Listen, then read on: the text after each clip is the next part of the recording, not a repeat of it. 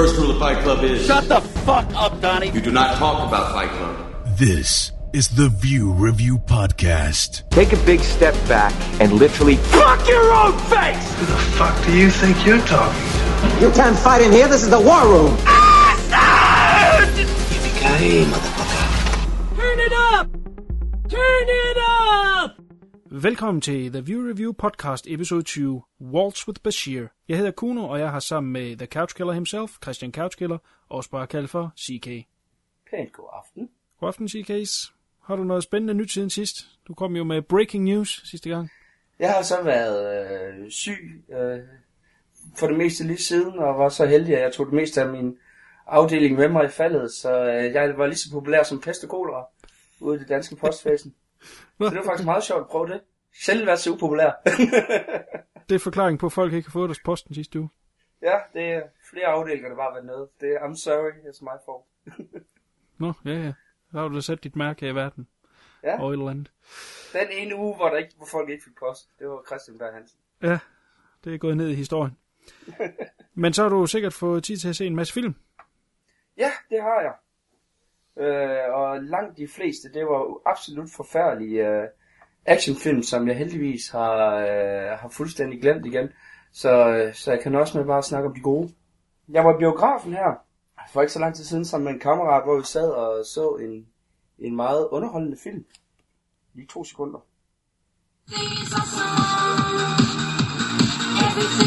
Det, det du så lige blev afspillet der, det var øh, temasangen til den nye Lego-film. Og jeg må indrømme, det var noget af det sjoveste, øh, jeg har set længe.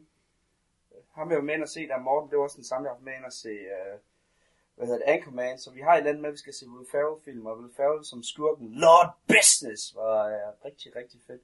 Hvis man nogensinde har leget med Lego, på noget som helst tidspunkt i sit liv, så er det simpelthen filmen. Altså, den har sådan nogle rigtig små, fede detaljer fra den gang, hvor man legede med Lego, altså med nogle af animationerne, for eksempel op på et tidspunkt, hvor at, du har det her apparatskib, øh, og så lydeffekten der, så det bare, du, du kan høre en, der siger og også på et tidspunkt, så ser du de her Lego-heste her, der bevæger sig fuldstændig, som de gjorde dengang, man selv legede med Lego. Der er sådan nogle rigtig fede ting, hvis man, meget nostalgisk film.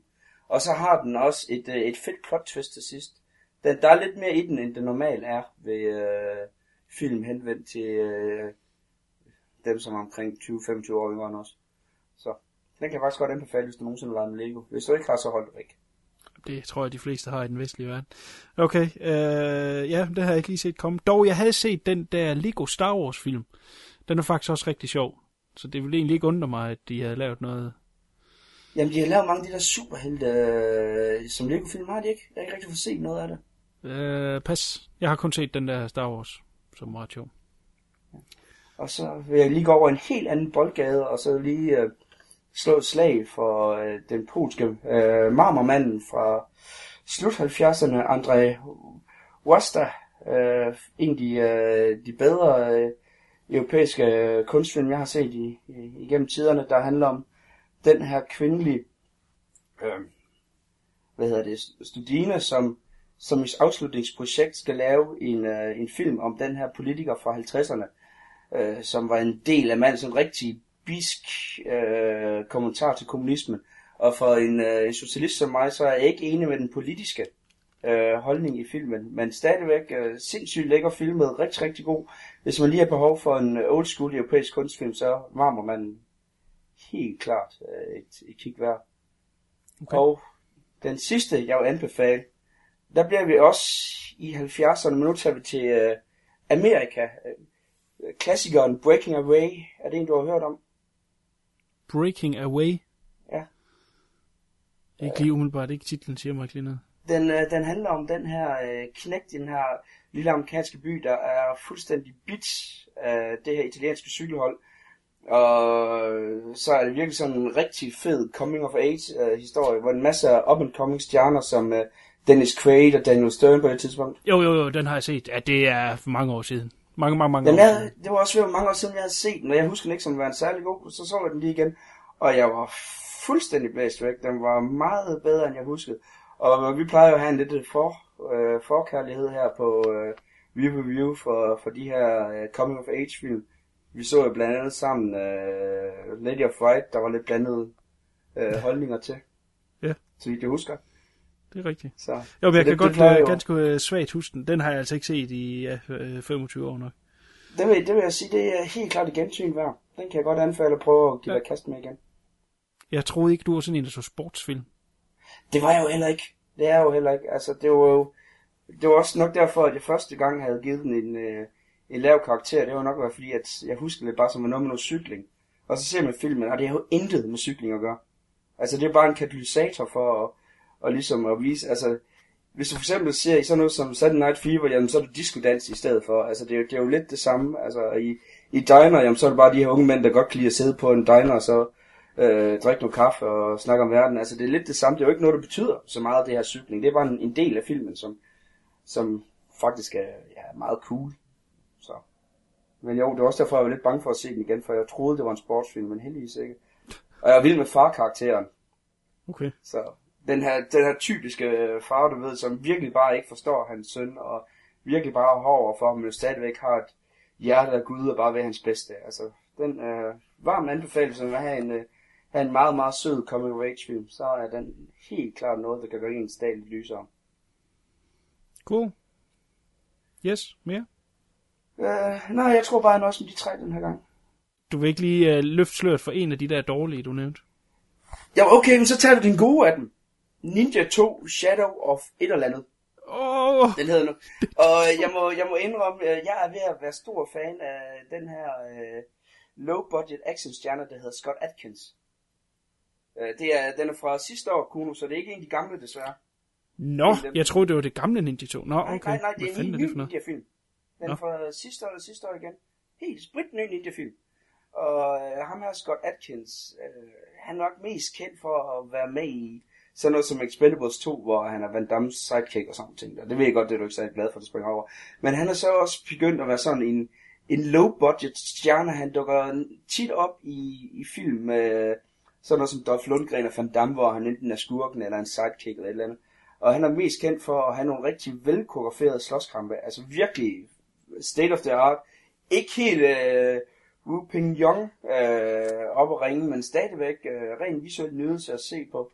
Og det var nok så sjældent som en, en actionfilm, der lige brugte 10 sekunder, eller 10 minutter på at, ligesom at, at introducere karakteren, inden han selvfølgelig har noget, han skal hæve, fordi hans ny, hvad hedder det, hans gravide kæreste bliver slået ihjel, og så går han jo fuldstændig ninja amok, og øh, hvor det næsten er, kun er en time og kvarter med den ene slåskamp efter den anden, og endnu mere øh, balletagtig end den forrige. Altså, den var faktisk ret fed at se med 40 feber. Den, øh, og så var det heldigvis, øh, øh, hvad hedder det, stille og roligt nok til, at du kunne følge med i. Altså, jeg havde et tidspunkt, hvor jeg prøvede på at se Michael Dudikoff-film, der var for kompliceret for mig.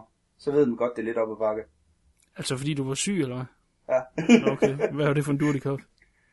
Det var blandt andet øh, Three Musketeers, så jeg blandt andet ham. Så jeg så ikke så meget af, fordi der blev jeg ved med at falde i søvn, hvor øh, ham, der var med i, det var Onic Man, eller Six Million Dollar Man, hvad nu han hedder, okay, ikke huske. Men sådan en opdatering af tre musketerer fra start 90'erne, tror jeg der, hvor det handler om de her tre gamle Navy Buddies, øh, som vinder nogle penge i, i noget poker, og så køber de en bar, og så har de så en søn af en tidligere kammerat, som selvfølgelig er Michael Dudikoff, der, der dukker op, og så er det noget med et indre, Indien, hvad hedder det, indianerreservat, og noget narko, og, og nogle gamle øh, super seje special forces folk, der går amok, og noget med Michael Dudikoff, han begynder helt andet kørende med en indianerkvinde, og det var for kompliceret for mig, jeg kunne ikke følge med. Det der, hele det der indianer ting, der jeg var væk. Min hjerne troede, det var en western, og det var det ikke. Altså, jeg var nødt til at stoppe det. Det var simpelthen en genreforvirring, jeg ikke magtede. Altså. Nå, okay. Det lyder da altså fantastisk. den har jeg desværre ikke altså, Den har jeg altså, du ved jo, du ved jo, hvordan jeg har det med Michael Dudikoff. Nå, jeg er selv stor fan, men den der, den er lige klippet. Ja. Desværre. Okay, det var det. yes, det var det. Jamen, så hopper jeg lige på banen. Jeg øh, har set nogle film, som alle andre mennesker har set for lang tid siden. Øh, jeg har hængt lidt i bremsen, jeg beklager.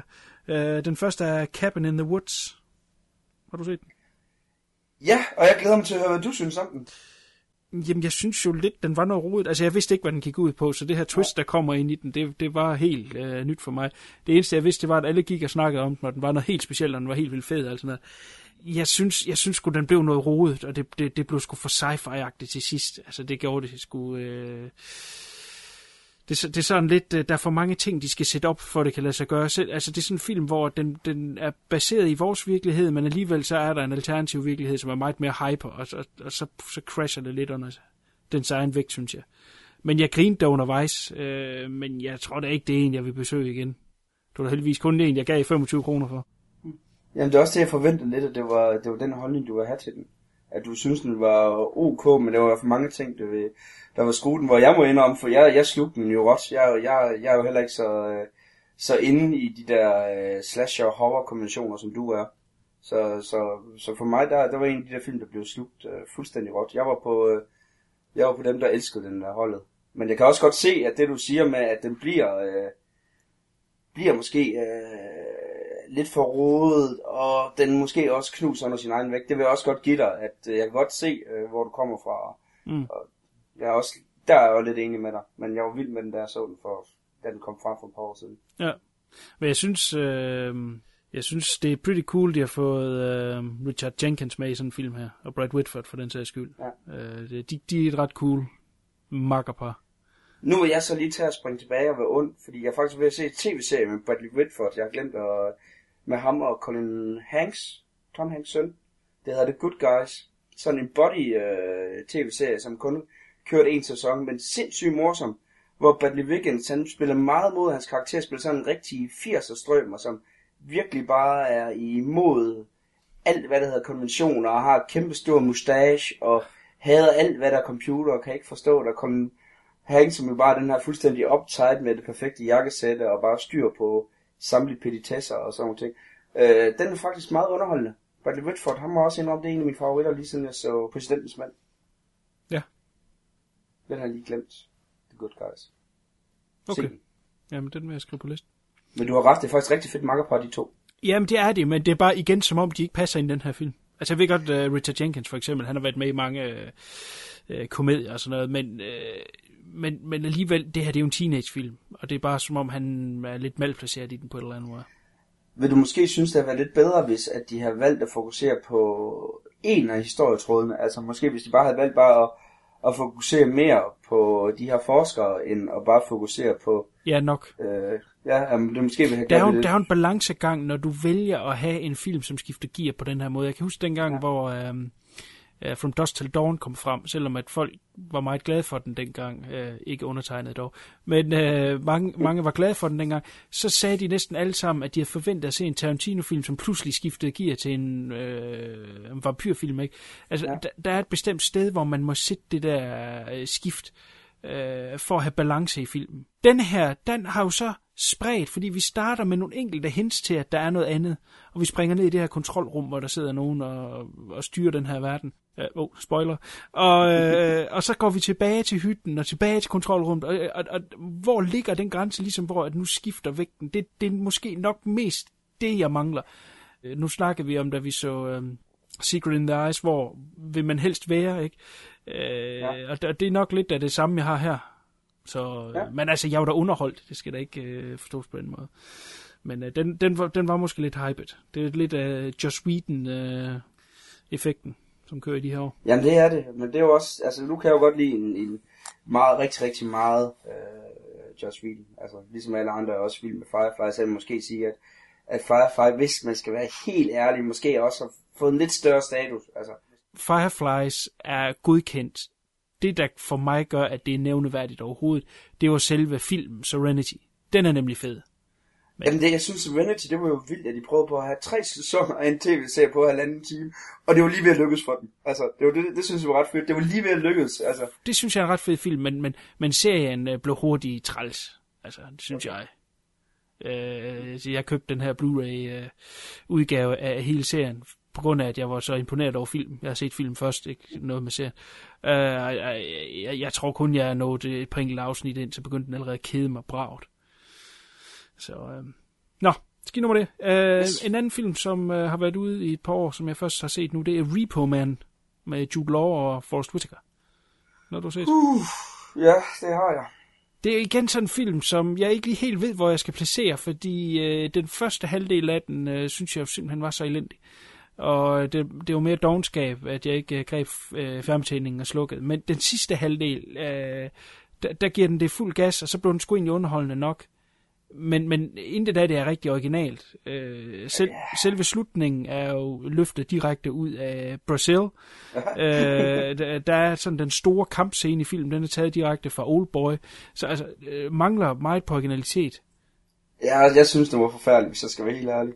Altså, det, jeg var ikke glad for den. Jamen, jeg ved sgu ikke, hvor jeg skal sætte den, fordi der er jo nogle ting undervejs, der er underholdende, men, men det, er, ikke- det, er en, det er en meget malplaceret film generelt.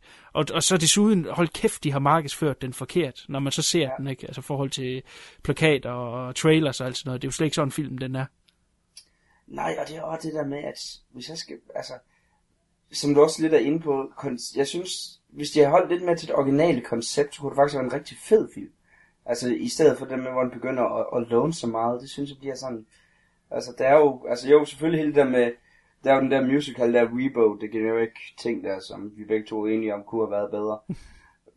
Men det er også lidt der med, at, at det, hvis den havde det der med, at de tager det der hele der repo-ting der i den virkelige verden, altså en, hvor det ikke er sådan en, en fancy verden som i Repo, The Generic Opera, eller hvad den hedder, så kunne den have været fed, synes jeg. Men så begynder den bare på alt muligt andet, og, og de, de sidste fem minutter giver mig lidt hovedpine, hvis jeg skal være helt ærlig. Ja. De, de, de er så, jeg synes, de sidste fem minutter, de er forfærdelige. Altså det, især når man, når man har set på sider, og man ved, hvor godt det kan gøre, så er det der altså bare lidt skuffende. Ja. Ja, jamen, helt sikkert. Så til det vil jeg bare sige, hvis man skal se en film om uh, Repo Man, så skal man se uh, Repo Man med Emilio Estevez. Ja. Den Har holder. du set 100%. uh, traileren til toren? Nej, kommer der en tor til den? Han har lavet en tur, uh, Alec Cox, men det var de der micro-budget ting der. Så det er sådan en green screen pis. Altså, øh, efter jeg så traileren, til jeg ikke se filmen. Det er, øh, jeg tror den hedder Repo Woman, eller sådan noget. Det er med en kvinde i hovedrollen. Den Nå, den hedder Repo Chick. Ja, Repo Check. Den er, øh, traileren, det var, det var virkelig, hvor man bare sad og tænkte, at det var meningen, at det skulle være en værdig follow-up, men så var han jo begyndt på hele de der eksperimenter der, Alex Koch, med at, at lave film for 68.000 dollars, tror jeg det var, eller sådan noget. Og, og så det, han fik ud af det, var sådan et forsøg på, ifølge traileren, nu ikke set filmen, ifølge traileren, på sådan en, en campet ting til, at det bare blev uff, og bare de der to minutter, der en trailer tog, det var nok til, at mine øjne begyndte at bløde. Altså. Ja. Nå, ja, men fuck det. Man kan jo altid se den original, og så glemme den der. Ja. Godt, jeg skal videre. Øh, så fandt jeg, faldt jeg over en film på TV2, film, øh, rent tilfældigt, der hedder Small Engine Repair. Noget du har set? Nej, men det lyder da en fed titel i hvert fald. Ja, men det er den faktisk også. Det er en uh, irsk film fra 2006. Det er sådan noget social realisme. Uh, foregår sådan op i uh, ude på landet op i uh, skovene, hvor uh, man følger den her mand, som har mistet sit arbejde, og konen har forladt ham, og han er sådan lidt en uh, drømmende country-sanger, uh, eller singer-songwriter, som øh, ingen rigtig har respekt for. Og så er det sådan hans øh, rejse til øh, noget selvrespekt. Som er sådan lidt en, en pond på titlen jo også, Small Engine Repair, fordi samtidig med, at de reparerer maskiner, det er hans ven, han bor ved, som reparerer græslåmaskiner, så reparerer de også sig selv. Den, øh, altså det er sådan en, hvor man lige slår forbi, og så ser man øh, lige, og skal lige se, hvad det er for noget, og så kunne jeg sgu ikke slukke. Så øh, den kører... Er der så meget, øh, er der så meget musik i den? Er det sådan lidt... Ja. Det er der altså. Der, der er selvfølgelig de dele, han spiller, men derudover er der country western henover. Men, men den seje slags country western, ikke den primitive. Altså lidt mere sådan lidt mere outlaw country, det vi kender fra sådan noget som Ronald Jennings og Johnny Cash. Og... Ja, ja, Johnny Cash er sgu nok ikke helt ved siden af. Øh, Det er nogle ret gode tekster, han skriver. Cool. Så, øh, Jamen jeg var helt vild med den der Crazy Heart, hvis du så den med, øh, hvad den hedder, Jeff Bridges. Også en rigtig Åh, country nej. western. øh. jeg har ikke fået den set endnu. Nej. Glæd dig, glæd dig. Den er faktisk også rigtig lækker. Også rigtig fede tekster, han skriver der. Ja, okay. Jamen, den vil jeg i hvert fald lige give et recommend til, hvis man vil se en lille film. Den er også, den altså, er- den, den er ikke lille lavt som så, øh, men, men, men den er jo lille i historien. Jeg skriver den bag øret. Ja, gør det. Hvis der er plads til det, så må du skrive halvdelen titlen på det ene øre, og den anden halvdel på den anden. Godt. Har du set mine jumbo ører? Altså? Ja. der er jo en grund til, at jeg har langt hår skæg. Altså. Det skal passe til det andet. Godt, slutligt vil jeg bare lige sige, at uh, de her huller, der har været mellem uh, True Detective, har jo fået en til at hungre efter uh, crime shows, der er værd at se. Uh, og jeg havde TiVo en tilbage i sommer, som jeg aldrig var kommet til, men så må jeg hellere tage hul på den. Den hedder The Following. Siger den der noget? Ja, øh, den har nogle rigtig store skuespillere i Ja, rollerne. Kevin Ikke? Bacon og James Purefoy. Jeg har ikke, jeg har ikke selv set den, men øh, den ligger på en Netflixerne, så jeg, jeg regner med, at jeg skal i gang med den på et tidspunkt. Jamen ja, ja altså jeg vil, jeg vil delvis anbefale den, og delvis fraråde den. Øh, jeg har kun set øh, sæson 1. Øh, altså ganske kort handler den jo om den her, øh, han er en seriemorder, øh, James Purefoy, som er, øh, er blevet fanget, og han har siddet i fængsel i, i, i nogle år. Og så slipper han så ud i første afsnit, øh, og slår så en ihjel, og bliver fanget med det samme igen, og så tror man jo egentlig, så er den slut der. Men det viser sig så, at han har, øh, eller øh, igennem flere år, startet en kult af folk, der har været inde og besøge ham i fængslet. Og den har, øh, det, det kickstarter han så ved hans flugt her. Og så er der så øh, de her medlemmer af kulten, som begynder at slå ihjel os. Og så er det så øh, Kevin Bacon, som fangede ham i tidernes morgen, bliver bragt ind igen for at øh, stoppe den her kult. Øhm, og det, det, Det lyder det meget fint. Jamen det gør det også, og det er det helt sikkert også i starten, fordi man ved ikke, hvem der er med i kulten, og de er meget, meget stålsatte. Altså det vil sige, at nogle de har øh, ageret normale mennesker i, i, i to-tre år, øh, og, og, og har måske fået store positioner inden for ja, både politi, men også øh, nære venskaber og sådan noget med, med nogle af de key persons, der har i. Så man ved aldrig, hvem der er med i den her øh, kult. Og det er sejt nok i starten, fordi det giver en frihed til dem. De kan jo bare sige, øh, lige pludselig kan de bare sige, den karakter, der han er med i kulten.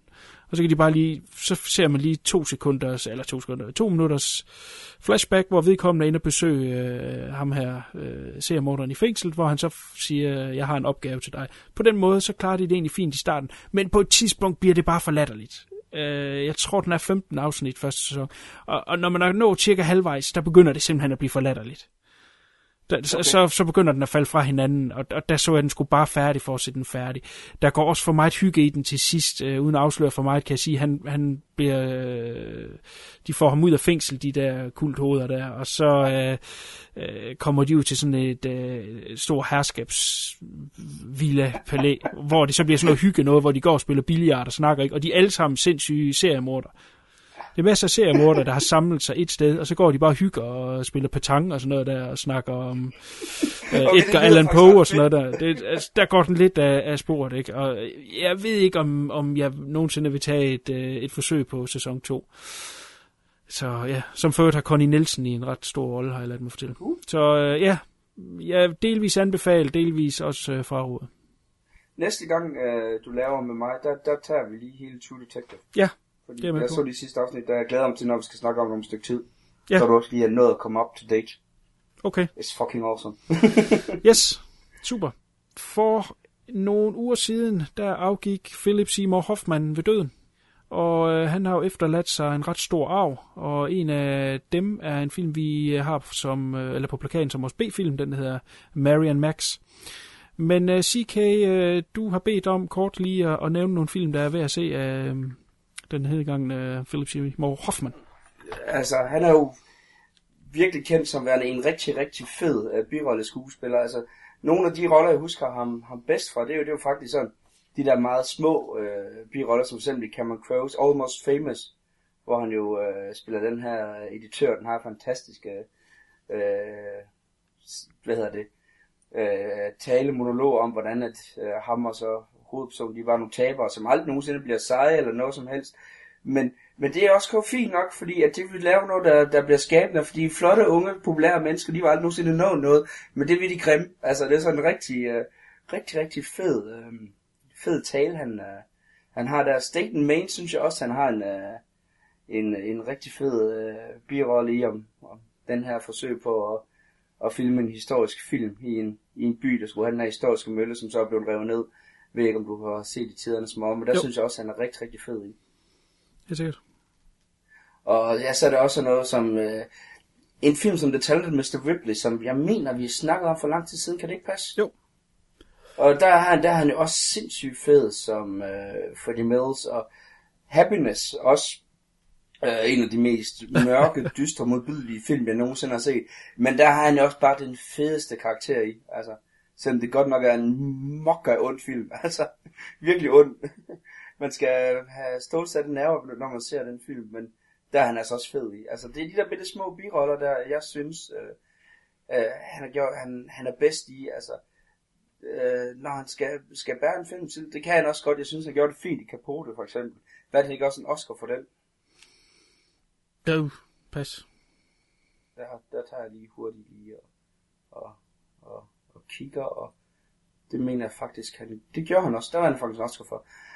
Så øhm, der, øh, der har han lige en, en, en sjælden hovedrolle, men ellers så er han en af dem der, som bare altid, når man så ham i en film, så vidste man, så var der ofte noget med manuskriptet, der var godt. Altså han plejer altid at, at vælge film, der, øh, altså, der var interessante. Så der var altid sådan en, en smule form for, hvad hedder det, øh, kvalitetsstempel. Altså, selv uh, Mission Impossible 3, synes jeg jo faktisk, at den, uh, den var, det var faktisk en, det var faktisk en okay uh, actionfilm. Altså. Ja, helt Selv sikkert. den, Der var han også, altså der er en rigtig skurk, som man rent Ja. faktisk, øh, kan man sige, troede på. For, ja, også bare langt, langt væk fra, hvad man normalt ser ham som. Ja. Og og det er også det, når vi kommer ind på B-filmen, der er også, øh, øh, altså, jeg vil sige, når man hører hans stemme, jeg kunne ikke, øh, jeg kunne ikke høre det, jeg kan slet ikke høre det af ham, altså. Nej. Det, Enig. så, øh, så jeg regner med, at øh, jeg snart skal tage ham sammen til at se The Master på et tidspunkt. Det skulle øh, vist være en af hans sidste rigtig gode film. Ja, den har jeg heller ikke set nu. Det er nok en, man skal have lidt øh, tilløb til. Ja. Jeg vil lige nævne et point. Øh, en, en film, han er med i en, en lille bitte rolle, men som han simpelthen var så i. Virkelig et røvhul. Uh, Punch Drunk Love, Ja, som har med madrassælgeren, der har det her øh, phone scam. Så er han øh, virkelig et asshole i. Så er han selvfølgelig pisse sjov i Boogie Nights, som ham, der gerne vil være... Han er sådan lidt øh, øh, sidekicken, joken, som gerne vil være med ind og lave pornofilm. Ja. Går hele tiden. men han er også skræmmende, synes jeg, i den film. Altså, Ja, han er lidt varm. Han, han er meget varm. Men Boogie Nights er også en af mine, en af mine favoritfilm fra, øh, hvad er det, Paul Thomas Andersons side. Så, men jo, han, han har sådan en vild karakter i den. Altså, det der, den der øh, strop t-shirt, der er der bare er tre numre for lille. Ja. ja. Altså, det er, det, der er en grund til, at, øh, at store mænd, vi skal gå i store tøj. Altså, helst, helst et nummer for stort, et nummer for lille, fordi ellers så risikerer vi bare, at vi giver folk ar for livet. Altså, det er til alle overvægtige derude i min båd. Husk, heller for meget tøj end for lidt. På nær når du går der det alene hjemme, så må du gerne være nøgen. Så skal du være nøgen. Bare du ikke sidder nøgen lige nu, CK's. Nej, jeg har tøj på nu, jeg skal bare arbejde om lidt. Det er godt. Det er dejligt. Ellers var jeg nøgen.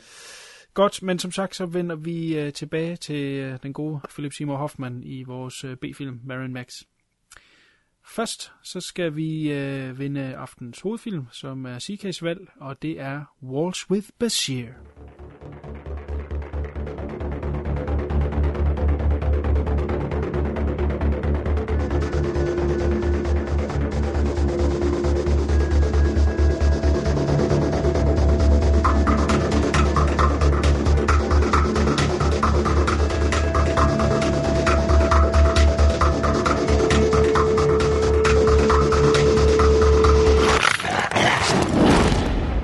פה אני מתעורר. אין לך אף פעם פלאשים מלבנון, לא חלומות, לא זיכרונות, אתה אף פעם לא חושב על זה? לא. לא. After the 1982 invasion of Lebanon, I lost my memory. Now, in order to remember, I'm looking for those who can never forget.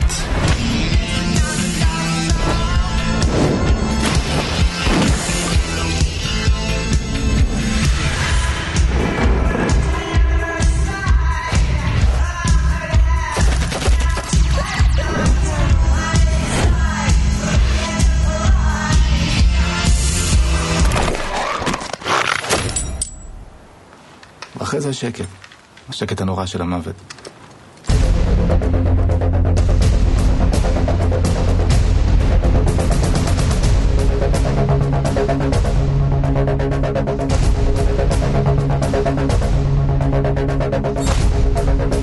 עכשיו שהבוקר עולה, כן, על כל ההרס הזה שעשית. ושיש לך מושג איפה אתה. talks with Bashir.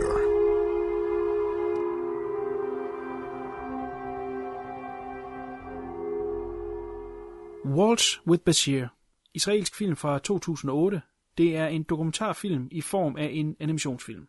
Det er en meget flot film med øh, et meget specielt look, som er opnået ved at klippe hundredvis af tegninger i mange stykker, og så sætte dem sammen og bevæge dem i forhold til hinanden, som man kender fra Flash. Filmen fik premiere ved Cannes i 08 til stor opmærksomhed. Filmen handler om øh, journalist og filminstruktør, som har været soldat i starten af 80'erne øh, og med i Israels invasion af Libanon. Men han husker intet af det, og derfor besøger han øh, gamle venner og andre israeler, der var med i Beirut, for at huske og forstå, hvad der skete. CK, hvorfor du valgt denne film?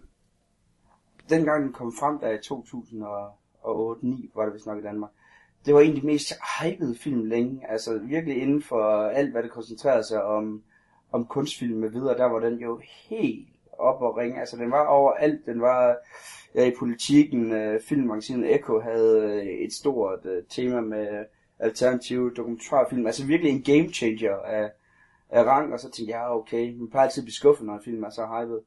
Og så tog jeg så i, i biffen, og så jeg så den. Og der må jeg indrømme, det er første gang, hvor jeg oplevede, det var en lille sal i Øst. Jeg tror, det er første gang, jeg oplevede, hvor du sidder de her 10-15 mennesker, og der er ingen, der rejser sig før 30 sekunder, efter rulleteksterne er færdige. Folk, de var fuldstændig slået ud af den. Altså, det var, det var virkelig en af de der oplevelser, hvor man sad og tænkte, hold da kæft, altså. Folk var bare blæst væk. Og, og det, er jo, det er jo sjældent, man har en, en, en film, som er blevet så, slået så stor op, og, og så leverer den virkelig varen. Og så er der også sådan en film, man, man går og diskuterer bagefter med sig selv, om, øh, som vi også kommer ind på senere, så noget som for eksempel, jamen er øh, den her tegnefilmsform, er det den rigtige, og sådan ting. Altså der er nogle, nogle spændende diskussioner, den, den åbner op for, at vi, vi tager, når vi går i gang med, med selve filmen, som jeg glæder mig til. Fordi der er jeg selv sådan både for og imod, selvom jeg elsker den. Altså, fantastisk film, men der er virkelig stof til eftertanke i den. Ja, helt enig. Jamen, det er et spændende valg, og øh, som du selv siger, er der mange øh, ting, man kan vende der, om, om det nu holder holder vand i sidste ende. Øh, og så er den jo meget speciel, altså den har jo billeder, man ikke lige sådan glemmer, selvom at det er ja. en, en tegnefilm. Eller animationsfilm, om man vil. Så øh, det, det er da en film, som, som har en, en arv, og som du selv siger, den var meget hyped, og den... Altså, ja, ja, altså jeg har først set den nu, øh, hvilket jeg er lidt ked af, at jeg ikke fik set dengang, men øh, sådan er det jo. Øh, jeg kan huske, hvor, hvor, stort hype den var, og måske var jeg lidt bange for det, som du sagde, at det kan, kan skuffe. Og, og derfor kom jeg lidt sent til den. Men, øh, men helt klart et interessant bekendtskab. Enig? Ja. Det den starter med, det er jo, at en af Folkmans venner, instruktøren, øh, hvordan han, han forklarer, fortæller ham om det her mareridt, han har, om de her 28 sorte hunde, som så forfølger ham, og hvordan at det så ligesom bliver en forklaring på, at, at det som vendens opgave var her, det var, at når de skulle rense af en, en landsby, så skød de hunde, så de ikke gøede og advarede indbyggerne, og hvordan at øh, Ej Folman ligesom forstår, at hans, hans ven og mange af hans andre hans venner har fået nogle store, store traumer på grund af den her krig, men som Kuno også er inde på, han kan ikke selv huske noget som helst fra det. Altså, han får lige sådan et kort øh, billede af, at øh, han han lå og så med hans øh, kammerater og, og badede i havet, mens at der var nogle, hvad hedder det, hvad er de her, de her lyspistoler ting der. Øh, ja, flares. Ned om ja. Flares, ja. Øh, og, og, og sådan nogle ting. Og, og så er det så, der ellers går i gang med sådan en, man kan jo sige, der er lidt, øh, lidt krimi-element over det. Altså, hvordan han, han ligesom prøver på at, og, øh, at opklare, jamen, hvorfor er det, han har glemt alt det her. Altså, der er jo også øh, nogle fede scener, hvor han snakker med en, øh, en psykolog, som, som jeg også synes er, er, er rigtig fed, og det er også der, hvor de leger rent visuelt med filmen. Altså, hvor de snakker om det der med dynamisk hukommelse. Altså, hvor de har øh, det her eksempel på det her forsøg, hvor man havde, øh, man simpelthen havde 10 billeder, man, man viste til en person, og et af dem var falsk, og det var så sat ind i et tivoli eller en park, som vedkommende aldrig har været, men simpelthen hvordan ens erindring så tog og fik den her erindring til at være ægte. Altså at, at det, som aldrig nogensinde var sket, jamen, det var noget, som man husker, ens hjerne huskede, som var noget, der, der var virkeligt. Og, og allerede der, så, så står den virkelig op i nogle, øh, nogle rigtig fede øh, diskussioner der om, jamen, ja, hvad er hukommelse, og, og så kan vi også komme ind på, at måske er det også en af grundene til, at de har valgt, at det skal være en tegnefilm, og de har de her lidt øh, surreale drømmesekvenser, at det måske har noget at gøre det der med selv og, og vise, at hukommelsen er et redskab, man måske ikke kan bruge til så meget, altså at den husker det, den gerne vil huske, og, og har det med at, at glemme nogle, nogle ting, som måske er for forfærdelige. Det ved jeg ikke, om du har nogle tanker til, Kuno. Det var mange ting på meget kort tid. Øh, ja, det var det. Øh, så vi kan, vi kan tage lidt i bidder, hvis det er. Ja, altså jeg vil måske godt starte med, hvorfor har man valgt at lave den som, eller min, øh, min, min vinkel på, hvorfor de har valgt at lave det som en animationsfilm. Ja. Øh, altså, han, vil, han har jo vil lave den her dokumentarfilm. Man må gå ud fra, at nogle af de ting, der er i øh, samtalen med vennen her, som ligesom sparker det hele i gang, at ham der fortæller om, om de her øh, drømme, han har om hunden, øh, det, er, det er en samtale, han har haft i virkeligheden. Og det er måske det, der har startet hele ideen om, at han vil lave en dokumentarfilm om det her. Og starte den her rejse. Og der, der må man jo sætte sig ned som, som øh, dokumentarist, og så må man jo sige, jamen, hvad, hvad har jeg, når jeg skal lave et, øh, et, et stykke dokumentar om noget, der er sket øh, ty, et par 20 år tidligere. Øh, der, der kan det enten være noget med nogle, nogle øh, øh, interviews og nogle øh, arkivbilleder, som på den måde du bygger din historie op på. Øh, men, men altså spørgsmålet er, som du selv siger, er der noget mere i det valg forhold til at lave det som animation? Ja, det tror jeg. Jeg tror, at det har været bevidst, at den her rejse, den skulle... Øh, ja, jeg har svært ved at sætte ord på. Ved du, hvor jeg vil hen nogenlunde? Altså... Ja, altså hvordan at... Øh, især når man, når man ser på slutningen, så er der jo også det der med, at altså rammer slutningen så også, det er hårdere, når at man starter med ligesom at, at vise de her fiktive billeder, altså der er, der er, som du også er inde på, der er med hele den her rejse her, altså der er Jamen, jo jeg tænker, en endestation. Ja, ja, helt sikkert, helt sikkert. Jeg tror, det jeg, vil, det jeg havde svært ved at lige sætte ord på før, det er, at, at meget af det her, det kommer fra øh, drømme eller marit, om man vil have, ja. i erindringen. Altså noget, som, som kommer tilbage i hjemsøgen. Og jeg tror måske, at han har tænkt, at han gerne vil lave en film, der var drømmeagtig. Ja. Men hvordan laver man ud for det, jeg sagde før med interviews og med arkivfilm, øh, arkiv, som man jo oftest tænker på, når man, når man tænker det, øh, dokumentar. Hvordan får man den her drømmekvalitet frem? Og, og der, der er der jo så lavet et bevidst valg at lave film som rekonstruktion. Du ser jo tit rekonstruktioner i, i, ja. i dokumentar, men det her det er så øh, en 90 minutters rekonstruktion. Ja. Øh, og, og det er da helt klart et risky valg at lave, Øh, og det er nok den, vi lige skal vende lige om lidt, det er nemlig, øh, kan man så rent faktisk gøre det. Øh, men, men jeg tror, grunden til, at han har valgt at, at lave det på den her måde, det er for at få den her drømmekvalitet, som øh, gennemsyrer hele filmen, når man ser den. Ja. Så, så er det øh, de her smukke billeder og øh, musik, og, og, og der er lange sekvenser, som der egentlig ikke er, skal man sige, noget information i, andet end øh, at det er state of mind, vi er i, i, i, et, i et miljø, i, et, i, en, i en stemning. Ja, blandt andet den der øh, øh, næsten rockmusikvideo, der kommer på et tidspunkt, øh, hvor, du, hvor du starter med at høre den her punk-agtige øh, sang, der fortæller om situationen selvfølgelig på øh, hebræisk, eller hvad sproget nu er. Det kan ikke høre så stor forskel. Øh, undskyld. Men altså også det der med, hvor du hvor simpelthen starter med, så starter du på stranden, hvor de, øh, de leger, og så kører det lige pludselig over til, at du har den her røde bil, der, øh, der kører rundt og laver laver terror, og hvordan de prøver på at stoppe den, og så går de bare i helt i værre med at bombe civil og, og alt sådan noget, og, og hvordan at den, sådan en sekvens som den bare siger ufattelig meget, øh, uden at, øh, altså han fortæller stand på, du har bare den her sang, der kører, samtidig med, at du virkelig forstår, hvor, øh, hvor meningsløst øh, den her krig har været, og, og sådan nogle scener, som det synes jeg jo er fuldstændig fantastisk, altså og jeg var bare den der på båden, hvor at du har ham her, der lige pludselig fuldstændig søsyg drømmer om, at han, øh, han, øh, han ligger i, øh, i havet svømmende om på en, en nøgen dame. Altså, det er jo bare, man bliver virkelig bare fuldstændig væk. Altså. Ja. Der kom ud af tangent der, sorry. nej, nej, men det er jo fint nok, du siger det, fordi øh, lige nok i den øh, trip, som vi så ser fra hans øh, point of view, om man vil, det vil du ikke kunne lave i en normal Nej. dokumentarfilm. Så altså, den, den, den, får, den, den, den byder ind med nogle andre vinkler. Ja. Øh, helt sikkert.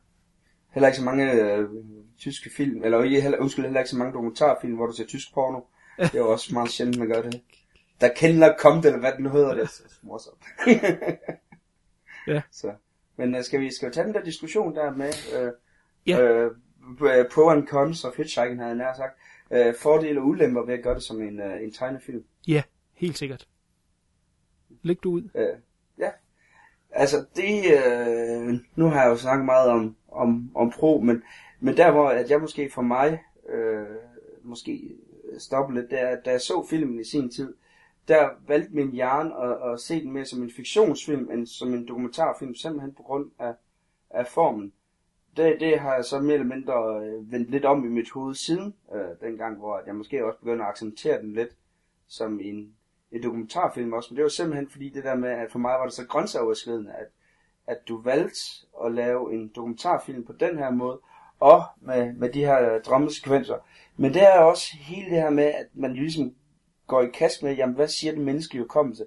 Hvordan fungerer hjernen? Og, og, og sådan nogle ting. Og også bare det der med, at øh, nu ved man heller ikke, hvad der er øh, arkiv øh, øh, materiale for, for den krig, men der er virkelig det der med, at man bliver fanget på en, en helt anden måde øh, her.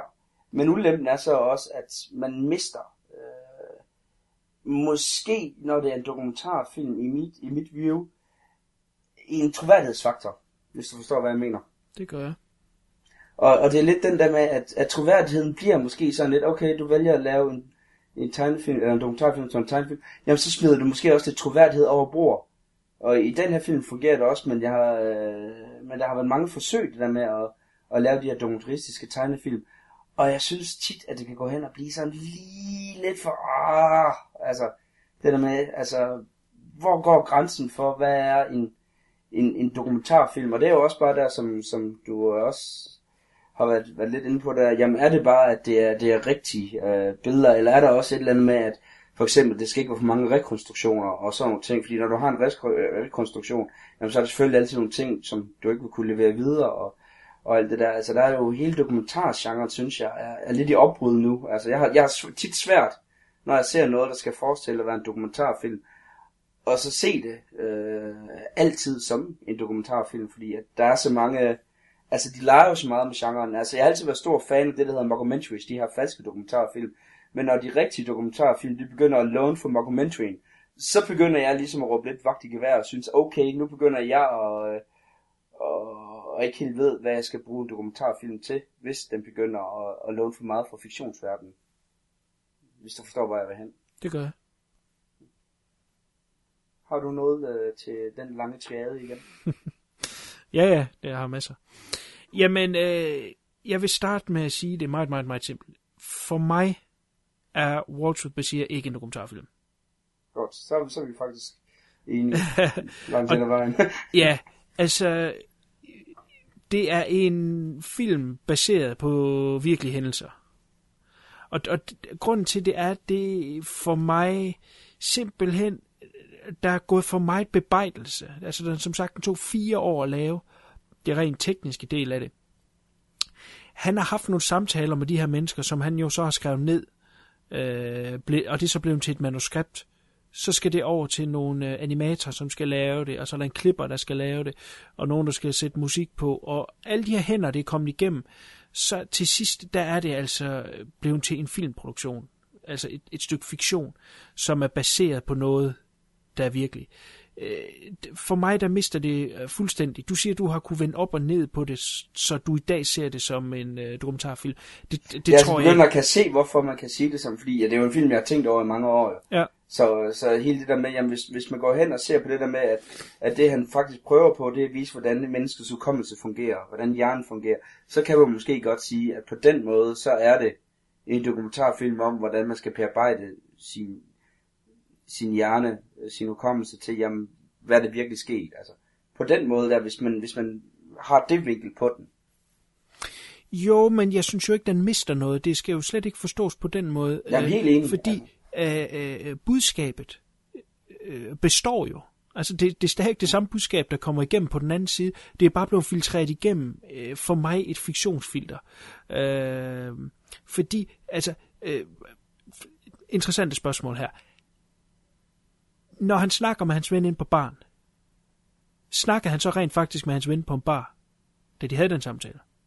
Ja. Ser vennen Men- sådan ud? Er tegningerne baseret på sådan som man ser ud. Altså det er sådan nogle små ting, der ikke? Hvor mange friheder har de taget sig, ikke? Så er han på et tidspunkt, er det i Holland, han er i, ikke? Hvor de går rundt ude i sådan et øh, snelandskab, og alt skal være så smukt og alt sådan noget. Jamen, var det fordi, at der var en, øh, en, en øh, tegner, som sagde, prøv lige at se, hvor flot jeg kan tegne det her, prøv at se, hvor lækkert det kan øh, sættes op. Jamen, er, er det fordi, det så sådan ud, eller er det fordi, at der er en tegner, der har, har kunne forme det efter sin egen øh, fri fantasi. Det er sådan nogle ting der, som gør, øh, når, når man begynder at slippe lidt på det, øh, for mig, så, så mister man det, det dokumentariske.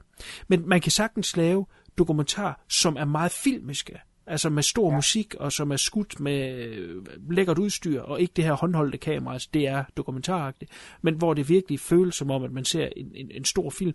Men, Ligesom Werner Herzogs øh, dokumentarfilm for eksempel. Ligesom mange af hans, ja.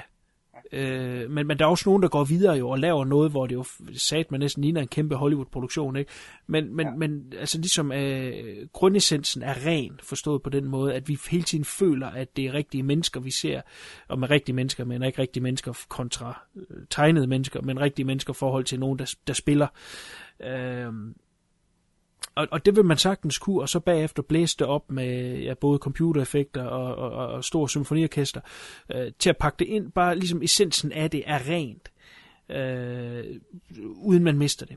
Og jeg tror også, nu nævnte du, at der fandtes andre animations øh, dokumentar. Jeg kan ikke lige mindes, jeg har set nogen. Hva, hva, kan du lige nævne nogen? Jamen, jeg mener, jeg, øh, jeg har en DVD et eller andet sted fra Echo, hvor jeg mener, en af dem er på. Men jeg kan ikke huske den, fordi jeg har ikke set den siden der. Sådan en kort en på 20-25 minutter. Ja, okay. Øh, meget, øh, det var meget brunfarvet, så vidt jeg husker. Det var ikke særlig kønt. Nej.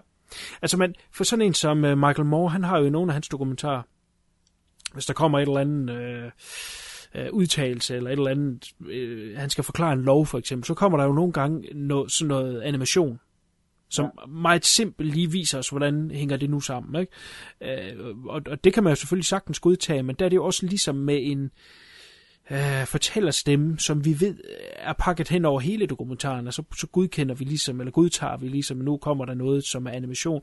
Vi er godt klar over, at det er en form for rekonstruktion, og vi kan også godt se, at det er en tegning, og det ikke har noget med virkeligheden at gøre, men det er ligesom for at, at, at, at lettere at forklare os noget. Ja. Øh, så, så på den måde kan man godt bruge det. Øh, så, så lidt mere pædagogisk, ja. Ja, nemlig lige nuagtigt. Men, men nu snakker du om det der med at lege med former. Jeg kan faktisk godt lide øh, dokumentarer, når de, når de leger med øh, især det mere filmiske. Øh, og det er klart, at der er en grænse, man kan gå til, og, jeg synes jo så, at øh, Walter Bashir er gået over den grænse, fordi den ligesom mister mig som en, øh, som en dokumentar. Men, men, men jeg får stadigvæk historien ind, øh, og, og, og pointerne med. Så, så altså, den, er jo både lykkes og mislykkes samtidig. Ja. Hvis det giver mening. Jamen, det er jo det er derfor, det er, det er derfor den er, en, som du selv var inde på, et meget interessant øh, bekendtskab, fordi det, det er jo simpelthen, det er sådan en, der både blæser og har mel i munden. Altså, ja. altså den, den fungerer jo på sindssygt mange planer, men samtidig med, at man også har lidt den der med sådan lidt, uh, okay, okay, er det helt vellykket og sådan ting. Altså, det er meget interessant. Altså, det er... Hvad øh, synes du om måden, den er lavet på? Fordi det er jo ikke øh, sådan en flydende øh, animation. Jeg, jeg nævnte lidt om teknikken. Altså det, man har gjort, det er, at man tager nogle, nogle, nogle fast tegnede billeder, og så klipper man dem i stykker, og så kan man bevæge ting i forhold til hinanden, altså når det ligger i lag. For, for eksempel i den her startscene, vi har været forbi flere gange, hvor, hvor han sidder inde på en bar sammen med hans ven. Så når han tager vores hvad hedder det, film med her, han tager glasset op til munden for at drikke af det, så øh, ligner det sådan et eller andet for Anne og Lotte-agtigt. Altså, der, der er ikke, en, der er ikke en, en, en naturlig bevægelse i det. Det er bare et, et punkt, der hedder albuen, som så kan bøje. Så det får sådan en stiv ja. bevægelse. Men, men hvad, hvad synes du om den øh, form, det er lavet på? Ja, altså, da jeg så den første gang, der skulle jeg lige vende mig til det. Der gik lige fem minutter, øh, hvor jeg lige sad og tænkte sådan en øh, indlandssekvens med de der sorte hunde, og jeg sad og tænkte, åh, åh, oh, hvad er det nu, du vil sidde og se? Så efter fem minutter, så er det jo slugt fuldstændig råt. Altså der, hvor de begynder at, at ligesom vise, jamen, hvad er meningen? Altså, hvorfor er det, vi har valgt, at øh, det her det skal være tegnet, og, og hvor de begynder at lave de her formeksperimenter. Øh, så var man jo fuldstændig væk, men det krævede lige, lige en tilvændingsperiode for mig, med at, øh, at også, også det, at det er jo det der sådan en, en næsten flash animering. Og det, det tog lige lidt tid for mig øh, at, at, at vende sig til. Så. Ja, ja, ja, jeg vil give dig øh, ret øh, langt hen ad vejen. Øh, jeg kan huske, øh, da jeg var en bitte purk, der var der noget om aftenen. Det var dengang, hvor vi kun havde Danmarks Radio. Øh, eller en hverdagsaften, der kom der noget, der hed tegnefilm for voksne. Øh, som var, ja, groft sagt, hvad det var. Det var tegnefilm med, voksen indhold, og som var lavet øh, til voksne. Øh, Øh, og, og det fik jeg tilsnusket mig til at se. Og her så jeg øh, sådan set for første gang, hvordan man kunne lave anderledes animation i forhold til det, jeg var vant til med øh, Tom og Jerry og sådan noget. Så, så lige pludselig var der noget eksperimenterende i at tegne, og, og, og, og det har jeg altid forbundet med, når det er noget, man lige skal være ekstra øh, opmærksom på, om man vil.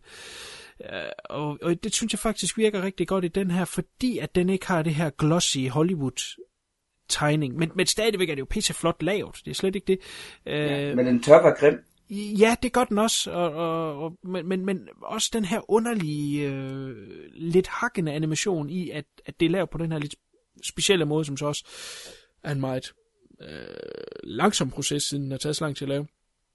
Så synes jeg, at, at det, det, det trænger måske også... Øh, altså... Øh, det fænger en mere. Giver det mening? Fordi ja. der er så få film af det, øh, eller i hvert fald som jeg har set, der, jeg ved, der findes nogle musikvideoer, som har brugt øh, samme teknikker, som har samme look.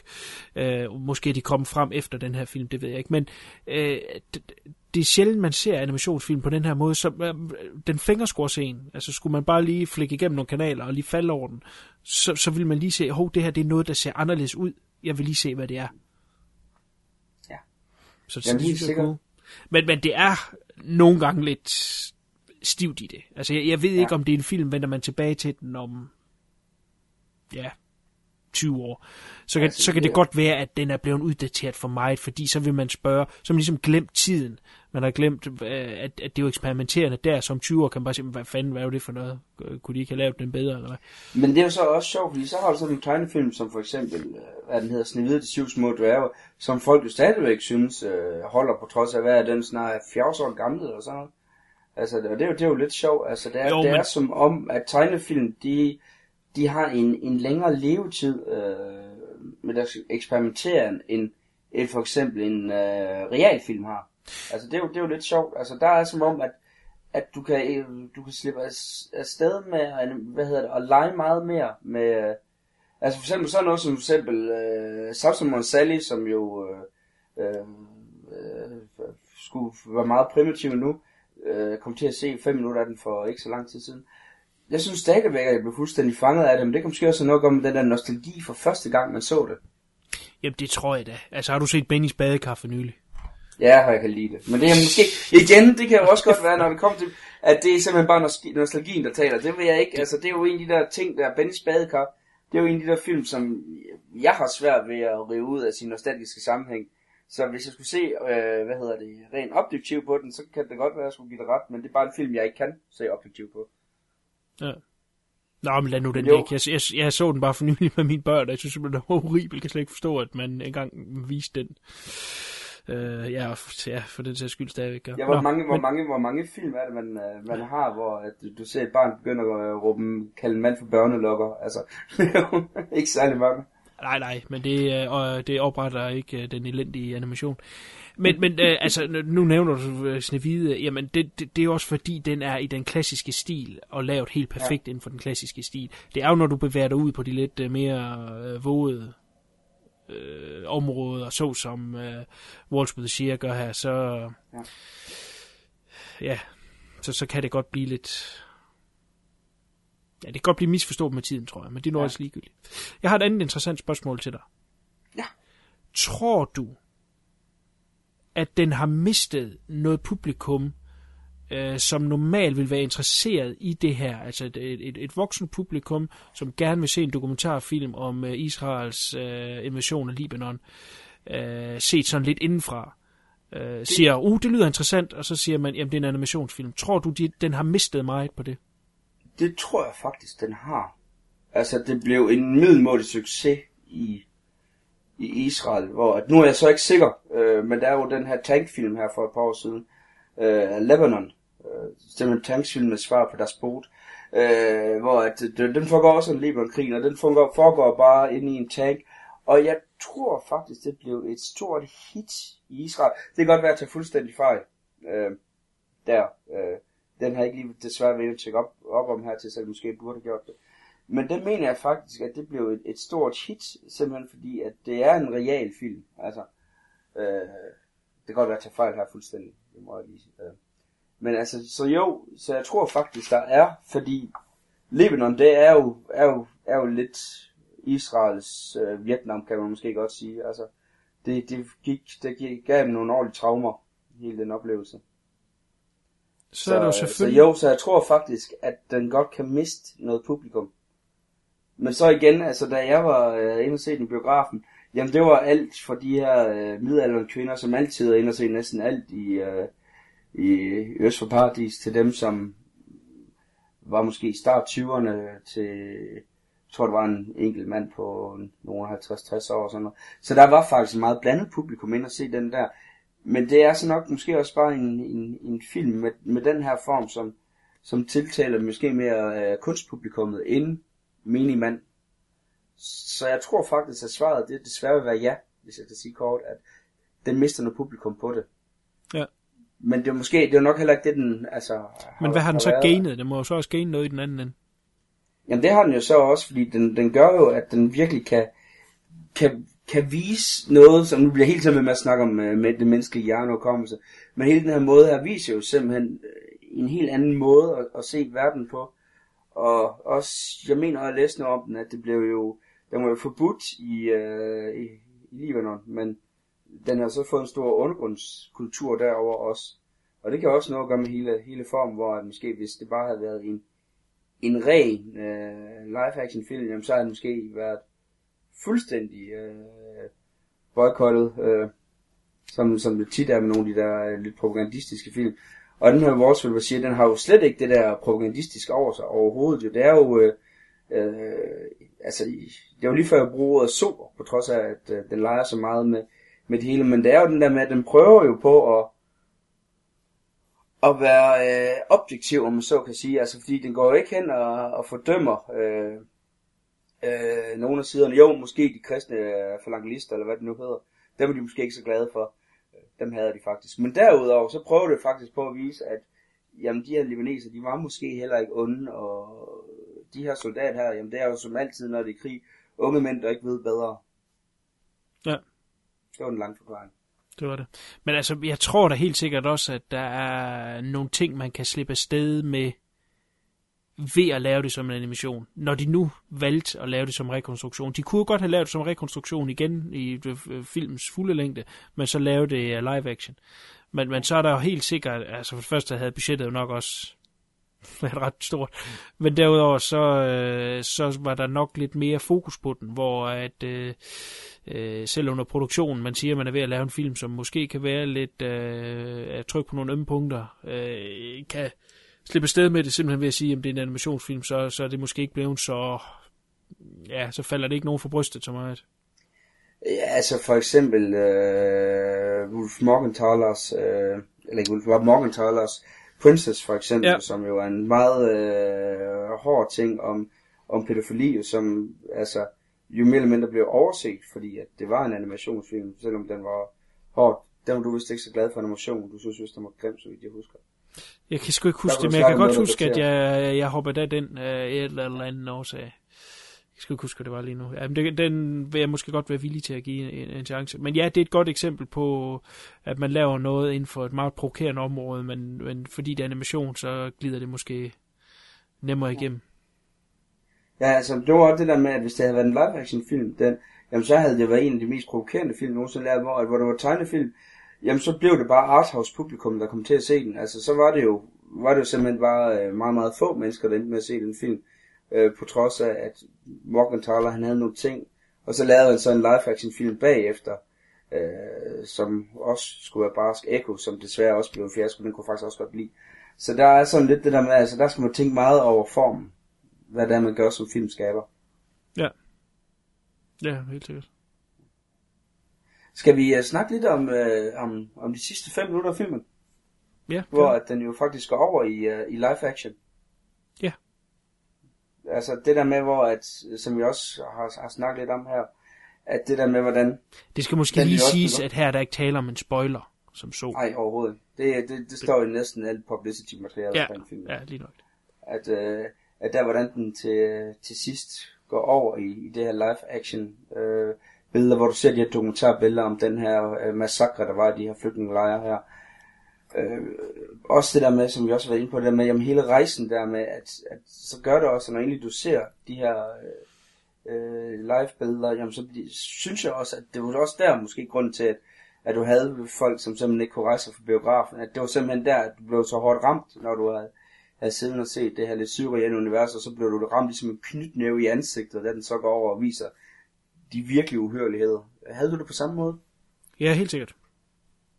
Og det, jeg tror også, det har noget at gøre med respekt. At det skal ikke være sådan noget tegne noget. Ja.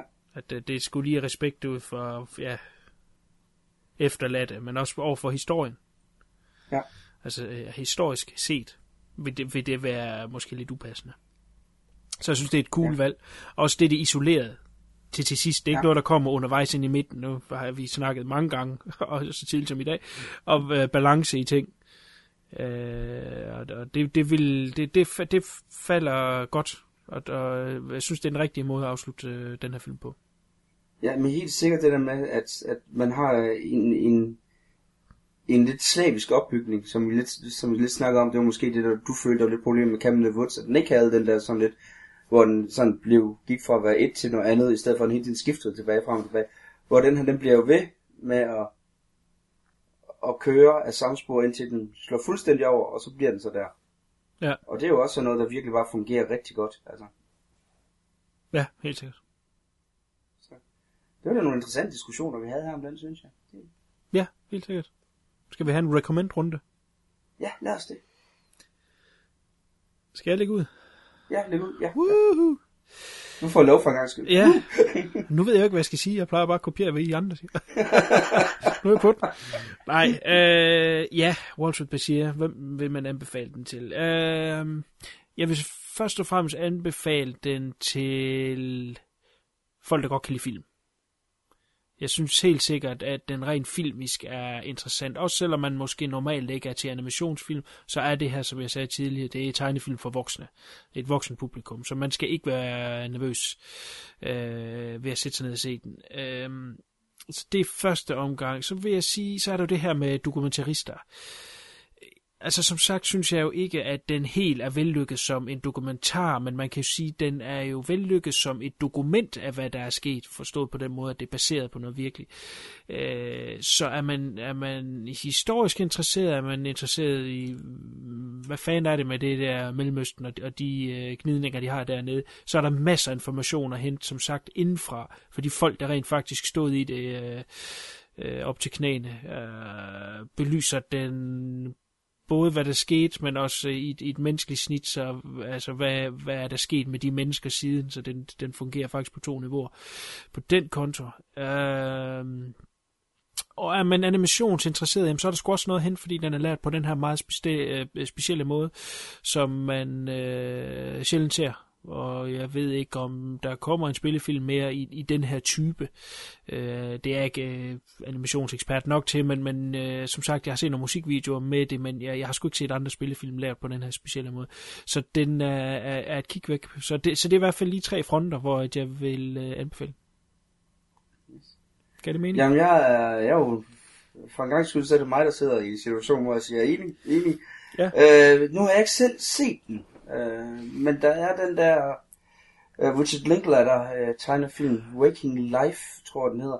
Den har måske lidt samme... Ja, det er rigtigt. Øh, den har jeg ikke set dog, så det kan jeg ikke udtale mig om, om det er godt eller skidt. Men det kunne øh, være noget, jeg måske skulle prøve på selv og, og se, og så vende tilbage på et andet tidspunkt. Den her Jeg er podcast, lidt i tvivl, om det er den samme teknik, eller om det er den teknik, der hedder rotoscoping, som han også lavede med Scanner Darkly.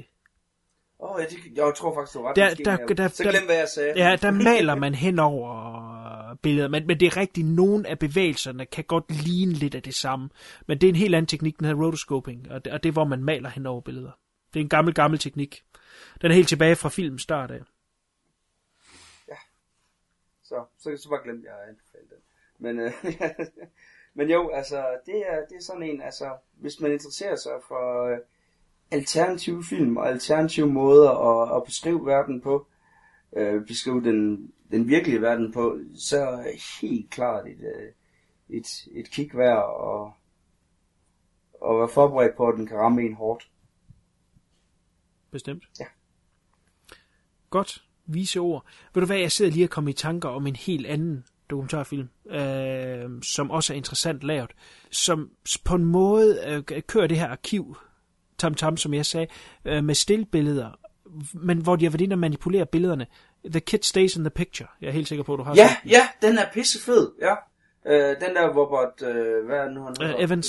Øh, Benton. Ja, Evans, ja, Robert Evans, ja. Øh, Og den er jo sindssygt fed. Den er nemlig pissefed, at, og, og der har de jo taget øh, de her tusindvis og tusindvis og tusindvis af billeder. Øh, han var en meget kendt øh, filmproducent, som øh, var hos Paramount sådan i, i, i storhedstiden i Paramount med Godfather og, og hvad det nu ellers var. Story og Ja, og øh, der er jo taget en masse af billeder af ham, og han var sådan lidt en, øh, ja, hvad hedder sådan noget, jetset øh, producer.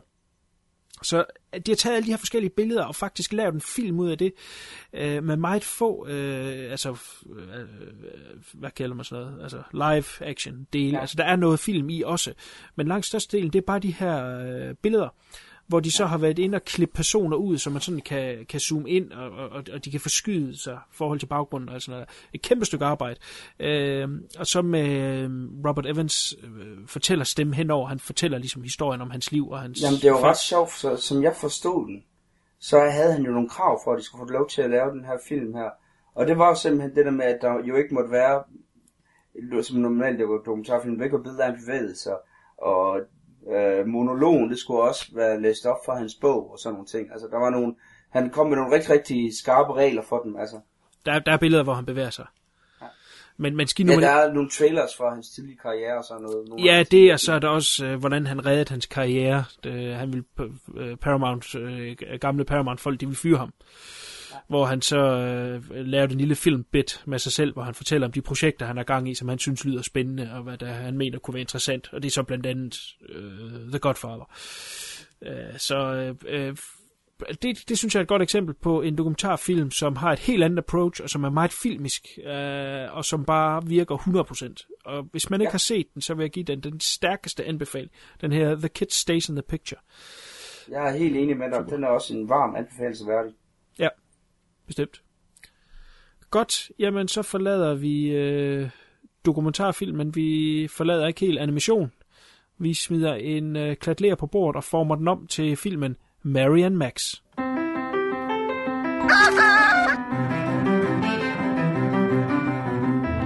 Mary Dinkle's eyes were the colour of muddy puddles. Her only friends were the Noblets from her favourite cartoon. She wished she had some friends. Mary had an idea. Dear Mr. Horowitz, I am eight years old. I have a rooster called Ethel. It would be great if you could write back and be my friend. Dear Mary, thank you for the letter. I have never met anyone from Australia. I share my home with a fish, a parakeet, an invisible friend called Mr. Ravioli. People often confuse me. I have trouble understanding them. Maybe this is why I don't have any friends. Dear Max, in your letter you said you had no friends. Neither do I. Can you help me? Dear Mary, do you like chocolate hot dogs? Where do babies come from in America? Do they come from cola cans? Have you got a girlfriend, Max? Can you explain love? Beat! I find the world very confusing and chaotic. Dear Max, Max. I don't think my parents like you. People often think I am tactless and rude. I cannot understand how being honest can be improper. You are my best friend, my only friend. P.S. Did you know that turtles can breathe through their anuses? Ooh. Hi there, M- M- Mary. Oh. Do you have a favorite sounding word? Papadopoulos.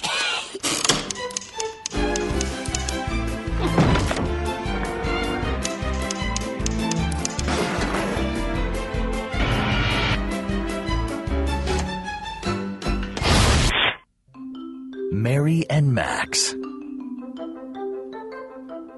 Ja, og det var jo så traileren til, uh, til Marian Max, og her vil jeg starte med at sige, at det var faktisk fuldstændig modsat øh, Roswell Bashir. Det var da jeg så den, der havde jeg slet ikke hørt om den før. Det var nogle, uh, et vennepar, hvor vi skulle ind og se uh, The Imaginarium, Dr. Panassos. Og så uh, Steffen, han hørte ufattelig meget uh, et filmprogram på P4, og så havde han hørt en anmeldelse af den her, så havde de så også bestilt billet til, at vi skulle ind og se Marian Max, og så blev jeg jo fuldstændig blæst væk også. Så det er faktisk en fuldstændig modsatte historie, vores Super siger for mig. Og den handler ganske kort om den her australske 8-årige pige, der bliver penneven. Den her 44-årige øh, New Yorker, som lider af Asperger og øh, øh, ja, er meget, meget bange for resten af verden og har nogle meget, meget store mentale problemer. Og så følger den så over en årrække deres venskab. Var det ikke meget kort fortalt, meget præcis handling? Jo. Så, Det så det. kan vi starte med dig. Øh, hvad synes du om den? Jeg havde heller ikke hørt om den. Og det var første gang, jeg så den til det her cast. Øh, hvad synes jeg om den? Pff. Jamen, det ved jeg sgu ikke, for at være helt ærlig. Jeg er i hverken helt positiv eller helt negativ. Så et eller andet sted, der er midt imellem. Øh, ja, det kan vi vende tilbage til bagefter, hvad, hvad for nogle tanker jeg umiddelbart gjorde i forhold til det. Men, men umiddelbart vil jeg sige, øh, underholdende for det, den er, men øh, den er nok en time for lang. Ja, jeg, jeg er tilbøjelig til at give det ret, måske er for langt, ja. Ja. Det tror okay. jeg faktisk, måske kan konceptet ikke helt øh, holde til, til så lang tid. Men øh, nu snakkede jeg jo om, da vi, øh, da vi snakkede om shock treatment, vi skulle vende tilbage til Barry Humphries. Det er Medna. Ja. Og han er jo fortællerstemmen her. Og jeg må indrømme, jeg synes, den her fortællerstemme øh, er, jo, er jo sindssygt fantastisk. Altså, det, det minder mig lidt om øh, sådan noget som Amelie, for eksempel. Mm. Øh, hvor du har den her, hvor du hele tiden har en fortællerstemme, som, som giver os ufattelig mange øh, små oplysninger om karaktererne. Altså, øh, også hvordan, at alt efter, hvor du er henne, jamen så tager fortællerstemmen det fuldstændig ud fra enten Max' synsvinkel eller Marius' synsvinkel. Så når du er i Marius' barndom, jamen så ser du hele verden ud for en 8-årig piges øh, synsvinkel. Når du er i New York, så ser du helt ud for en 44-årig Aspergers synsvinkel. Og det synes jeg fungerer øh, utrolig godt, at der er den her form for respekt over for karaktererne. At øh, den simpelthen tager, tager fuldstændig øh, fat i deres verdener. Og så er der også det der med, at når du er New York, så det hele det er bare hvidt og gråt. Altså det er bare gråt, gråt og sort. Og, og øh, hendes verden, den er bare brun, brun, brun, brun. Og øh, det kan måske også godt være det, som, som nogle folk har, øh, har lidt problemer med, det er, at den er ikke køn at kigge på altid. Altså de der farvervalg, den, den, den har valgt, de kan, det kan måske også godt, som kunne lidt ind på, måske blive lidt langt efter halvanden time. Men jeg, jeg var fuldstændig øh, blæst væk, også fordi for eksempel, der har en, en, en scene, hvor øh, Mary, hun, hun er ved at prøve på at gå selvmord, hvor du så har en, øh, øh, hvor hun så hører en udgave af Caceres kørende over, og du så har et kamera, hvor det scanner igennem hendes tøj, og så viser hun er gravid, og, og sådan nogle ting, sådan nogle rigtig mørke, dystre øh, billeder, altså rigtig mørk, dyster billeder, samtidig med, at den er, den er let, altså, altså samtidig med, at det er sådan en meget let film, altså den er, altså man bliver godt humør af den, altså det, det er sådan en film, der får mig til at danse lidt, når jeg ser den, på trods af, at den er mørk og modbydelig, og, øh, og har nogle øh, rimelig øh, negativt lavede øh, ting i den, altså Max for eksempel, han ryger på et sindshospital på et tidspunkt, hvor han, han måske ikke får den mest blide behandling, kan man vist godt sige. Men stadigvæk samtidig, så er der let til den her film, som man normalt ikke finder med et, et så meget mørkt øh, øh, emne som sindssyghed, eller sindssygdom, som, som jeg synes er, er nok til, at jeg godt lige vil bruge de her fem minutter på at, at sige til folk, at prøv at se det her. Og så kan det godt være, at det ikke, ikke fanger jer, men jeg synes helt klart, det er, det er et kig værd, og, og så synes jeg, at nu vil jeg lade ordet gå over til, til Kuno, og så kan han få lov til at fortælle om hans pros and cons over for, for den her. Ja, altså, øh, det er intet med dens farveskala. Det, der er ikke noget farveskala, der kan skræmme mig væk fra en film. Øh, jeg har klaret mig igennem uh, Portland, så kan man se alle film. Der Nej, kan man se alle film, ja. nej, det, det, det der er med den, det er faktisk nogle af de ting, som du også nævner her. Mit ultimative spørgsmål er jo, hvem fanden er den her film til? Øh, Nemlig. Den, den, den det er det, der er så sjovt ved den. Jamen, den kører jo det her animationsdel som mere øh, barnligt, kan man sige, end, end, end normalt. Og så har den nogle voksen og hvad hedder det, undertoner, som du selv siger, vi kan, vi kan sætte os ind i. Men mange af dem, de ligger hovedsageligt hos øh, den aldrende Max i New York. Og når vi er tilbage ved Mary, så er det faktisk en børnefilm. Så øh, den mixture igennem øh, forvirrer så meget, at til sidst, der ved jeg faktisk ikke, hvem fanden er den her film rent faktisk til. Det, det er lige det mit første punkt. Mit andet punkt er, du kom med et meget fint lille øh, synopsis på den her film. Og for mig, der er det her max, ikke Mary og Max, men maksimum en halv times film. Det, det, det, det øh, spil, der er mellem, at hun skriver et brev til ham, som tager x antal dage, før det kommer op til ham, og han skriver tilbage, og frem og tilbage, jamen, det, det kan simpelthen ikke bare holde så lang tid. Ideen er så, at hun så bliver ældre med tiden, og på et tidspunkt skal over og besøge ham. Men, men øh, jeg vil sige, nerven i den her film fungerer bedst, mens hun er barn, og det skulle de have holdt sig indenfor på øh, ja, cirka en halv time. Øh, delene, når hun bliver voksen, synes jeg er lidt uinteressant, og det, det er også jappet lidt hurtigt over, skal det så jeg lige skynde mig at sige. Den har en rigtig fin lille sidste beat, øh, uden jeg afslører for meget, men det er noget med, øh, hvad Max har gjort med brevene igennem alle årene. Øh, det, det er et rent, rent fint lille beat, og vi bliver sat pænt ned på jorden til, til afslutning, men, men jeg synes, øh, normalt, når man siger, at en film er for lang, så siger man lige kvarter 20 minutter af. Her der siger jeg simpelthen en time af. Puff. Og, og så skulle den have været lidt mere øh, direkte i, den, i dens... Øh, publikum, altså hvem fan den, den henvender sig til. Men derudover, så vil jeg også sige noget positivt om den, som vi har været forbi. Der er gode stemmer her på. Uh, Philip Seymour Hoffman spiller Max, og, og det gør han rigtig godt heri, uh, så godt, at øh, hverken Sika eller jeg har kunne genkende stemmen. Uh, Barry Humphries, som er fortællerstemmen, synes jeg også er rigtig godt. Jeg har lidt imod en, en fortællerstemme, som er igennem en hel film. Jeg synes kun, at fortællerstemme skal ligesom sætte op, og så måske lige afslutte til sidst. Men igennem hele filmen, det er for meget. Så det, så det er lige den, den, den positive del af det. Selve animationsstilen, øh, er, er der ligesom andre, der er bedre til, som jeg helt klart vil foretrække. Hvis jeg siger Nick Park, ved du så, hvem jeg snakker om? Ja, så snakker vi de der Artman-film øh, der. Ja, Artman Animations. Ja. De laver jo film øh, hovedsageligt med, eller deres største succes er med Wallace and Gromit. Øh, og de ligger på de her øh, 25 minutter, en halv time. Uh, og, og det er perfekt længde til de historier, de vil fortælle. Og de kan altså også godt have mange, uh, hvad hedder det, under, ikke så dystre som den her, men stadigvæk mange af dem er sådan lidt over i noget gys og noget.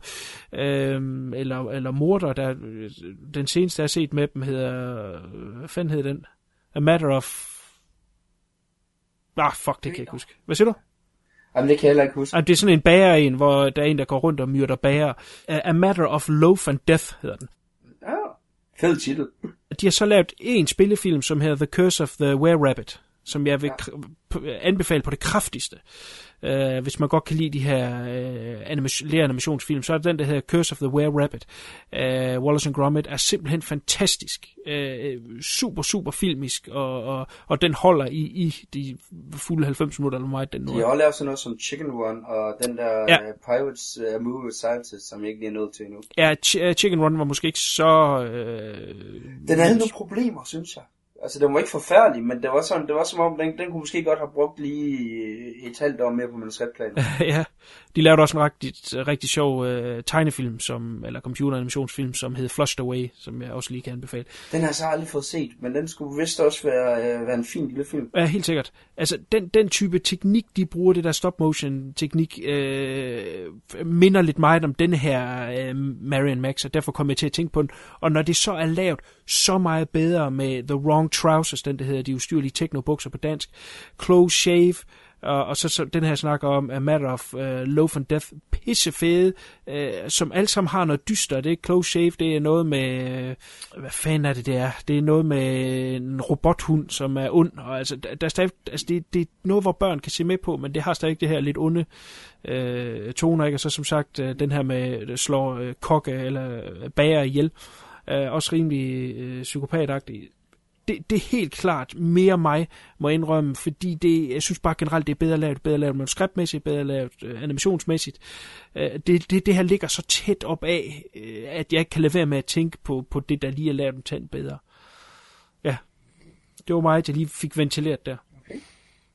Interessante holdninger, vil jeg sige. Altså, det... Øh, jeg, jeg, jeg er så øh, uenig med en del af den, men jeg vil godt give dig den der med længden jeg tror faktisk godt, øh, at du, du har gjort det mere stramt fortalt, hvis du lige har skåret, øh, skåret lidt af. Jamen, øh, ultimativt er der jo nogle sjove ting her i, og den har jo en sjov humor, og, og, og hele introen havde mig, havde mig fænget. Men ja. jeg måtte, altså uden at jeg kiggede på urt, men højst sandsynligt har det været efter en halv time, der er ja. nok begyndt at kede mig lidt. Tænkte, ah okay, så skriver hun brev, så skriver han brev. Ja. Lad det være min øh, sidste ord. Hvem jeg skal anbefale den til, hvis det er det, du, du vil spørge mig om. Øh, ja, det er selvfølgelig. jeg aner det ikke. Fordi, som sagt, halvdelen af det er, er, er sådan lidt en voksenfilm, og den anden halvdel er en børnefilm, og, øh, og så er den sgu lidt langtrukken og lidt kedelig. Jeg, jeg ved sgu ikke helt, hvem jeg vil anbefale den til, eller om jeg er decideret vil anbefale den. Jeg vil sige, den er kigværd, hvis man kan lide uh, uh, Nick Park-film der, så den her et, et, et kigværd, men uh, ellers nej, så vil jeg sgu nok ikke anbefale Altså, der, der vil jeg jo så selv fra My Two Cents Worth jo, øh, jo også sige, at det er også en af den her films måske største problem, det er, at den ikke har et publikum. det, det, er jo lidt, det, det, er jo, det, er jo, det er jo nok det. Altså, øh, jeg må så sige, at, øh, at for mig, der, der fanger den fuldstændig. Altså, det, det er sådan en film, som, som for mig personligt, øh, jeg synes er rigtig fedt. Og jeg har også prøvet at, at vise den til, øh, til flere personer. Men det er jo så også altid øh, selv siddende holdt dem i hånden, mens jeg har set den jo, og, og, og, og forklare nogle ting og sådan nogle ting der. Så, men jeg vil også godt give Kuno ret i, at det her det er måske også en af de, øh, de smalleste film, vi måske, øh, og vi har haft mange smalle film, men den her, den, øh, det er sådan rent publikumsmæssigt nok en af dem, som har, øh, har det mindste publikum. Ja. Jeg synes, det, jeg synes, det er så fedt, men men det er det der med, jamen, hvem, hvem, hvem fanden er den henvendt til? altså, det er det. ja. Mig, åbenbart mig og nogle af mine kammerater, det vidste det. Men altså... For CK står der også herinde på MDB. Ja, for CK. Oh, for CK altså, only. Så øh, jeg tror faktisk, den har fået en, øh, en rimelig okay bedømmelse øh, på, øh, på IMDb. Jeg ved så ikke, jo, jo, den har fået fine anmeldelser, og, og det skal den også have øh, langt hen ad vejen. Øh, men, men den har sin, sin faldgrupper, og... Øh, øh, det falder den i. Jeg tror, hvis, den, hvis man tager det materiale, der var, og, og trimmer ned, selvfølgelig er jeg godt klar at man ikke kan klippe i den nu, fordi som sagt bliver hun ældre og ældre, øh, så man kan ikke bare lige klippe slutningen ind efter en halv time. Men altså, øh, havde man taget manuskriptet og bare trimmet det ned, ikke? så materialet er der sådan set. Man skulle bare lige have set sig selv i spejlet og så sige, okay, det her det holder nok ikke til det lange format. Øh, så tror jeg, man kunne have lavet en rigtig fed lille øh, animationsfilm, som, som ville have fundet et, et, et større og bredere publikum, og som man nemmere ville kunne have markedsført. Fordi jeg tror også, ved at trimme den ned, ville man nok bedre have kunne fokuseret på, hvad den her film rent faktisk ville. Som, som er at røgne lidt i fløjten øh, i den størrelse, den har nu. Der, der har været for meget legeplads. Altså, det, det er der ja. faktisk mange, som går fra, øh, øh, nu ham her, Adam Elliot, der har lavet den. Jeg ved ikke, hvad han ellers har lavet, ikke? Men, men der er nogen, som laver kortfilm i mange år, og så lige så skal de op og lave en spillefilm, og så lige har de alt den her plads. Og så kan de ikke finde ud af at håndtere det. Øh, det så man også med Futurama-filmen, ikke? Futurama kørte jo... F- den kørte fem sæsoner, ikke? Øh, top-notch afsnit hver eneste gang, og så lige pludselig, så blev den cancel, og så ville de så lave tre øh, film. øh, i spillefilmslængde, ikke? Og de, ja, den første kan måske lige ses, men derefter så begynder de bare at stinke mere og mere. Og, og det lugtede langt væk af, at timing var helt væk i, i, i, øh, i, i hvad der passede i afsnittene, fordi de havde de 22 minutter slut. Ikke? Øh, og derfor var de bare så lige på, boing, boing, boing, da jeg kørte de jokesene. Lige så havde de 90 minutter, og så sejlede det bare fuldstændig. Så det er altså helt, helt sikkert også en disciplin, man skal kunne øh, styre. Så, så hvis jeg skal konkludere på det her, så er vi selvom vi er, vi er uenige i vores generelle opfattelse af den her film, så er vi begge to enige om, om de ting, som man måske kunne have lavet anderledes. Ja. Ja, det er faktisk ret sjovt på, hvad det Jamen, uh, tak til CK for Marian Max. Så vil vi runde af her til sidst med selvfølgelig igen at slå på vores tromme. Og det er Facebook, og det er også vores uh, iTunes-konto. Gå ind og øh, give os mening til kende og give nogle stjerner. Det er så inde på øh, øh, iTunes og på Facebook. Øh, skriv en kommentar og giv os en like. Det vil vi blive uendelig glade for. I næste uge, der skal vi tilbage til 1984 med 1984 og til 1956 med 1984. Hvis det ikke giver mening, så lyt med i næste uge. View Review. CK, kan du sige pænt farvel? Pænt farvel. Pænt farvel. This is not a love song.